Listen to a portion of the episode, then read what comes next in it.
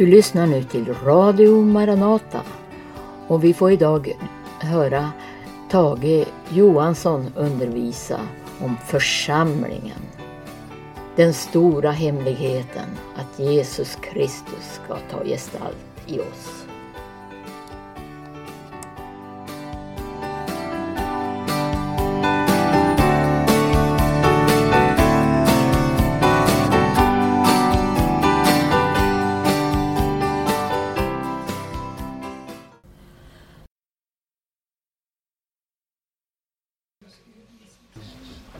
Som sagt så är detta med vad Bibeln lär om församlingen. Det blir, har ju blivit en del av mitt liv faktiskt. Jag ber jag längtar att få vara med om dess upprättelse i den här tiden. Eh, vi känner ju till det här med församlingens historia. Hela gamla testamentet det, det talar ju om eh, det som Gud har velat med sitt folk. Var han vill med sitt folk. Vad han vill synliggöra med sitt folk. Och så fort man har avvikit ifrån den kallelsen och uppdraget så har Guds folk lidit nederlag. Och så är det alltjämt. Överför du det här på Nya Testamentet så är det likadant där. Att eh, därest eh, vi inte blir befästa i ordet så kommer vi uppleva att eh, vi lider nederlag som den församling som Gud har kallat att vara hans församling. Som inte då ska vara uppblandat med någonting annat. Och jag ska försöka här med en enkel eh, illustrerad med här enkel eh, bild i det jag har ritat här. Men då måste vi först läsa. Men jag vill återkomma. Eh, lägg märke till det här att under alla tider, under gamla testamentet, att så fort man har avvikit ifrån sin kallelse och uppgift som Guds folk så eh, har man lidit nederlag. Så har man blivit offer för makter som regerar i den här världen. För Israels folk, de hade ju sina fiender. Precis som församlingen i, under nya förbundets tid har sina andliga fiender. Och när folket hade upplevt att Gud hade fått upprätta dem då hade de övertag över fienden. Men så fort de eh, kom bort ifrån uppdraget så led de nederlag och eh, de kringliggande fienderna fick övertag, tog från dem både land och förde bort dem i fångenskap. Tills dess att de åter var öppna för att eh, gå in i en upprättelse igen. Och då vi känner till det här Esra och Hemja, de fick vara det som var redskap för att återföra folket dit de skulle vara. Och ska man överföra det här på Nya Testamentet så handlar det om att Guds folk ska vara där Gud har bestämt att de ska vara. Andligt sett alltså. Det här, för oss handlar det inte om att se det geografiskt sett utan det är helt andligt frågan om. Det finns, ära vare Gud, ett ord i Efesierbrevet. Jag nämnde det här. Efesierbrevet är ju församlingsbrevet. Och jag ska läsa några ord där. Eh, vad det innebär att Gud får upprätta församlingen. Det är den stora bönen för mig och jag känner och upplever att den helige Ande gång på gång uppmanar att gå in i det här verket. Kära Gud. Så att församlingen blir full och upprättad. För att eh, det, det, det här begreppet församling det, eh, det är diffust, väldigt diffust. Man tror att församling är eh, någon företeelse där man samlas och, och eh, kan bara då jämställas med en, en, en religiös förening. Men församling är någonting annat. Det är alltså en gudomlig företeelse, någonting som Gud kan uppresa om han får uppenbara sitt ord, om ordet blir befäst. Då kan han resa upp församlingen. I, och eh, det har ju återkommit det här gång på gång att eh, vi känner att i, så, i profetiskt hänseende att Gud vill upprätta församlingen den sista tiden så som den började. Mm. så att vi till fullo får uppleva vad apostlarna byggde upp. Att de hade lagt grunden, de har lagt grunden.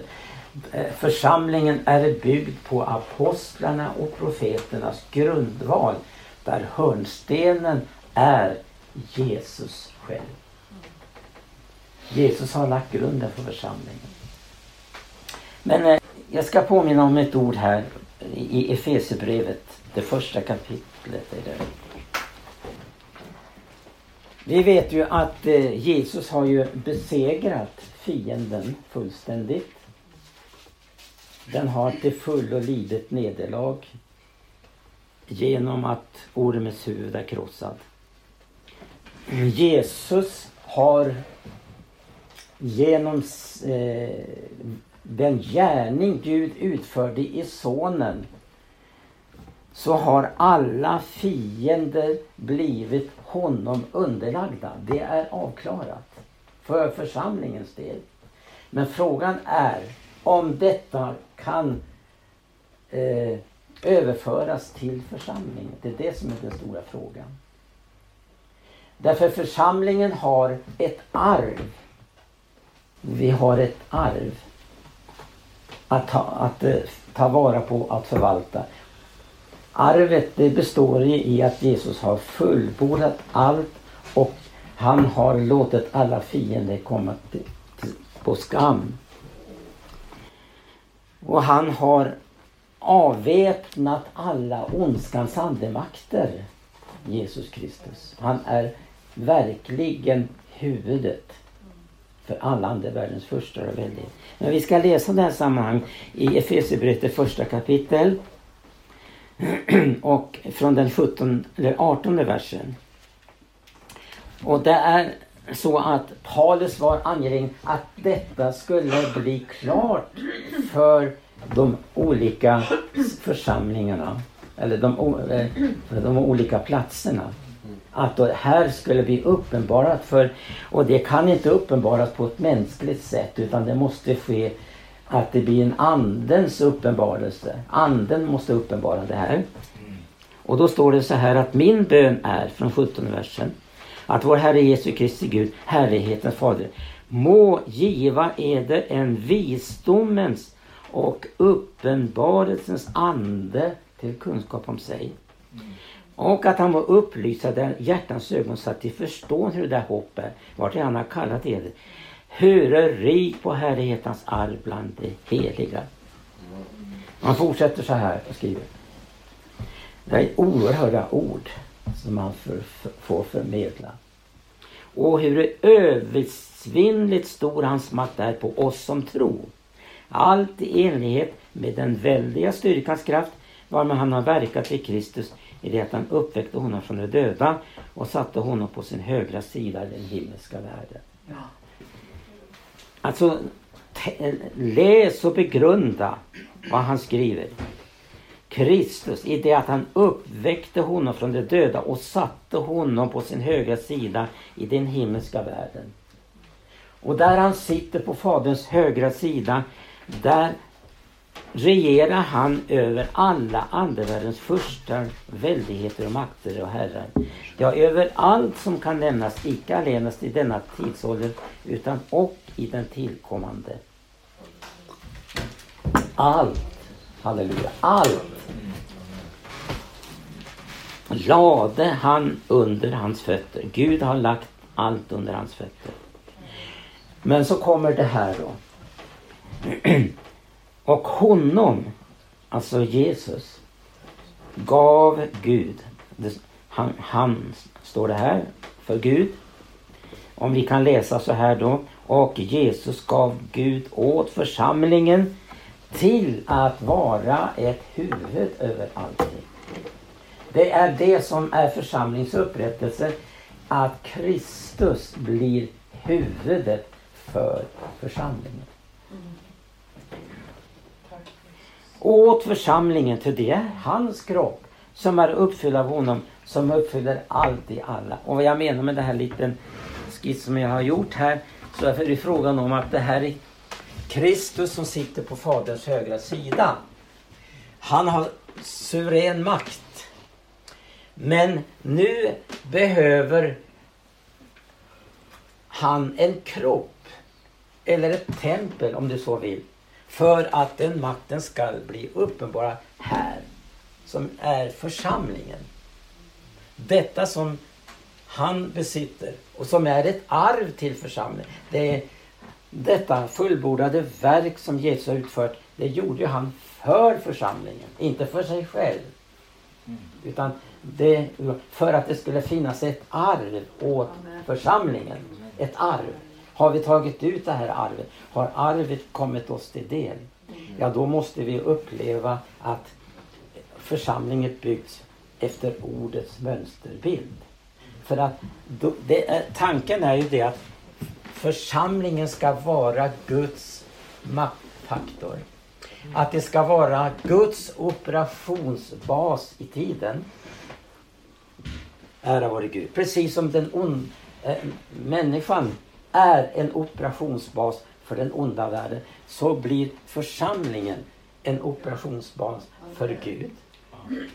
Ära vare där den ska återspegla Guds rike. Där Guds rike ska triumfera.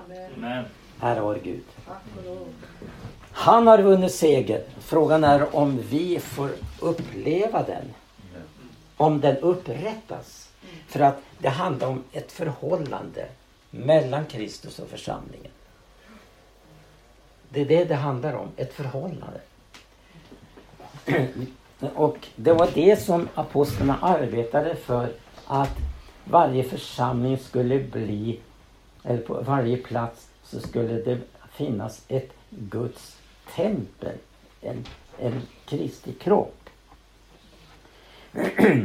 för han skriver så här Paulus att eh, de arbetade för att det som hade tagit emot Jesus och eh, blivit ett med varandra. Att, som man säger, att genom deras undervisning skulle de växa upp.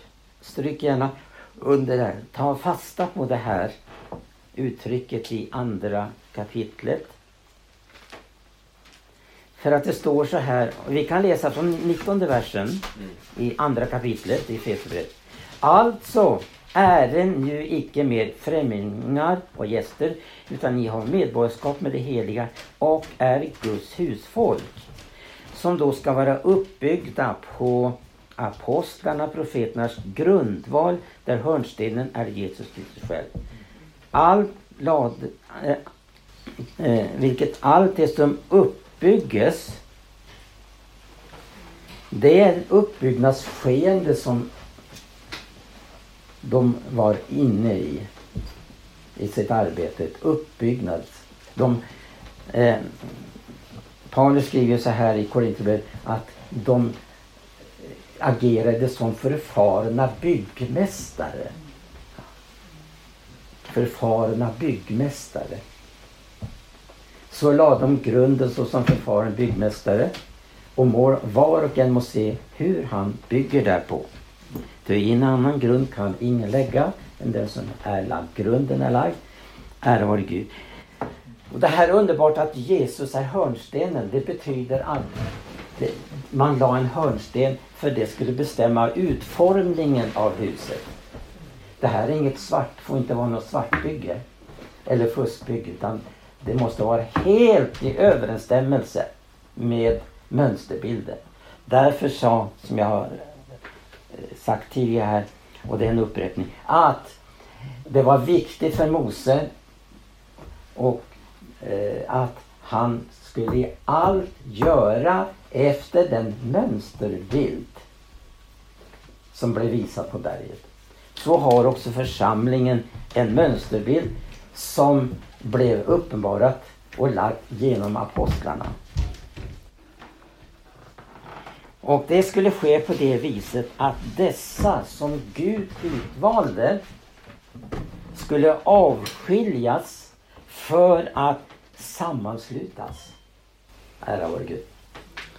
För, den levande Gudens församling är en, en sammansluten skara. Precis det här som jag har sagt tidigare här och jag vill upprepa det igen för det är så viktigt. Att det var, handlar om att en sten som blev frigjord från någonting skulle frigöras för att sättas in i någonting. Mm. Precis som att Israels folk eh, blev kallade utifrån Egypten och hade en kallelse att komma in i landet. Där skulle de bli ett upprättat folk i landet. Där skulle de ta bort allt det som existerade inom landet. Eh, församlingen har också ett landområde, precis som det här folket hade att inta, så har församlingen ett landområde. Och överför vi det efter nya förbundets förhållande så handlar det om att man, församlingen ska göra sig av med allt som har en anknytning till folket som fanns där. Det skulle drivas. Vi kan läsa det här till vad de skulle göra. Det står i femte Mosebok när det handlar om förberedelse för att inta landet. Så skulle de göra så här. Som det står i femte Mosebok, det tolfte kapitlet. Dessa är de stadgar och rätter som vi skolen hålla och iakttaga i det land som Herren eder fäders Gud har givit eder till besittning. Så länge i leven på jorden skulle ni hålla dem. I skulle ni grund förstöra alla platser. Kära Gud. Där det folk som i, i fördriven havet håller sina gudstjänster vare sig detta skett på höga berg eller höjder eller någon, eh, någonstädes under gröna träd. Vad skulle de göra? De skulle bryta ner dess altare, slå sönder deras stoder, bränna upp deras aseror i eld och hugga ner deras gudabeleten och i skolan utrota dess namn från, från sådana platser. Ja. När är tillbedjan Herren är det Gud skulle ni göra så som icke göra så som det utan den plats som Herren är det Gud utväljer inom något av era stammar till att där fästa sitt namn. Denna hans boning, ära vare Gud. Vi känner till detta att Bibeln, Nya testamentet lär om att församlingen är en Guds boning en Guds boning i anden. Ära vare Gud. Denna bonskolen söka och dit skall du gå. För att överföra det här då till Nya Testamentet så handlar det om att församlingen kan aldrig alliera sig med det som man har tidigare levt i. Utan nu är det frågan om att, att det ska ske en fullständig frigörelse för att man skulle bli en levande sten. Som, skulle, som Gud skulle få sätta in. Det är inte ett eget val utan det handlar om att om eh, det finns den här möjligheten att det är en sten som kan inlemmas i, med de övriga stenarna. Så det handlar om en sammanslutning kärlek. Och den här sammanslutningen den innebär att då handlar det inte om vad jag tänker och vill. Utan då handlar det om att man gör någonting tillsammans med de andra. Därför att annars så är man inte en levande sten i Guds tempel. Det finns massor av stenar som är, ligger utspridda men de har aldrig förts in i det gudomliga sammanhanget. Och det är det som jag vill understryka i Guds tanke den här tiden. Att han ska få frigöra stenar som kan insättas i sitt gudomliga sammanhang. För det handlar om att templet, det är någonting som är avskilt för Gud. Eftersom Gud i detta tempel vill uppenbara sin härlighet. Han vill bo, står det bland sitt folk. Gud vill bo. Hur är det här möjligt? Ja, det kan inte ske som jag också har citerat genom en människas styrka och kraft utan det sker genom den heliga Ande. Det var ju så att apostlarna inte bara hade teorier att förmedla. Läran, den var väldigt viktig. För det, den, där avgjordes det hela. Om det, det handlar om om det fanns en biblisk lära eller inte. Men det som var det avgörande var det att få uppleva den heliga Andes kraft så att det här kan bli möjligt. Vi kan inte få uppleva det här om inte vi upplever den heliga Andes kraft i våra liv. För den heliga Ande, om vi överlämnar vårt liv åt Gud då kan han genom sin Ande göra oss till levande stenar. Ära vare Gud. Det är den heliga Andes verk helt enkelt. Och vi vet att när Jesus då gick här på jorden så gick han omkring bland människorna och tog ut dessa stenar som sedan skulle utgöra ett heligt tempel. Och när de nu hade avskilt sig, överlämnat sina liv åt Gud, så skulle Gud göra resten. Och det som är resten, alltså det som verkligen gjorde det möjligt att den första församlingen kunde komma in i den här andliga funktionen det var ju just det att Gud uppfyllde templet. Gud, han behöver ett tempel. Ära vare Gud. Det här som Jesus representerar, det ska bli församlingens del. Det ska eh, bli, eh, vad ska jag säga, eh, det ska ju bli församlingens erfarenhet av att Jesus har all makt i himlen, in himlen och på jorden. Och det är därför som han sa, mig är given all makt i himlen och på jorden. Gå för den skull ut. Mm. Men tänk om de skulle ha gått ut utan att ha gjort den här anduppfyllelsen. Alltså, blir det inte en sån upplevelse av anduppfyllelse kommer man aldrig in i det här. Det, hade inte de fått varit med om den här upplevelsen på pingstdagen så hade de aldrig kommit in i det. Då hade aldrig församlingen kunnat upprättas. Därför att det är den heliga Andes verk. Församlingen är Andens verk. Vi är födda på nytt genom Andens verk men vi är också införsatta i, i, i detta andliga tempel genom den heliga Andes verk. Han som har tagit ut oss han sätter också in oss. Ära vår Gud. Halleluja, för segern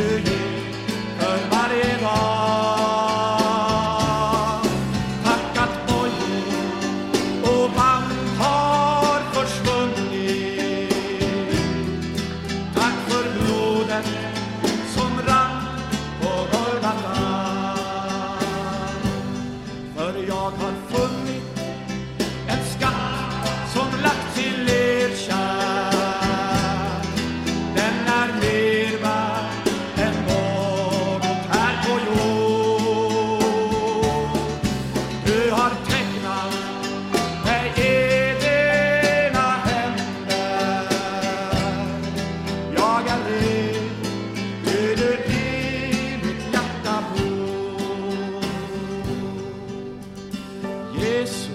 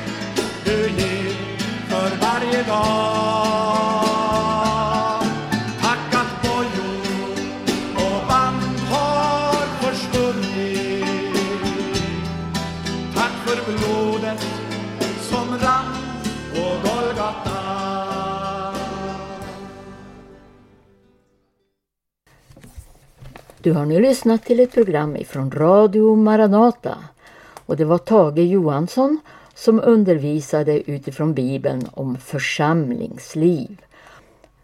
Därefter hörde vi församlingssång Jesus med dig vill jag leva här. Vill du ha kontakt med Radio Maranata kan du ringa 070-201 6020 eller gå in på hemsidan maranata.se där du kan informera dig om Maranatas verksamhet i vårt land och andra länder. Och eh, eh, där finns också ett ljudarkiv där du kan lyssna på eh, radioprogram och mötesinspelningar. Och det finns också möjlighet att lyssna direkt på en del möten. Och Radio Maranata sänder varje morgon klockan 8 över 88 MHz. Måndagar och onsdagar även klockan 18 över Örebro och Stockholms närradio.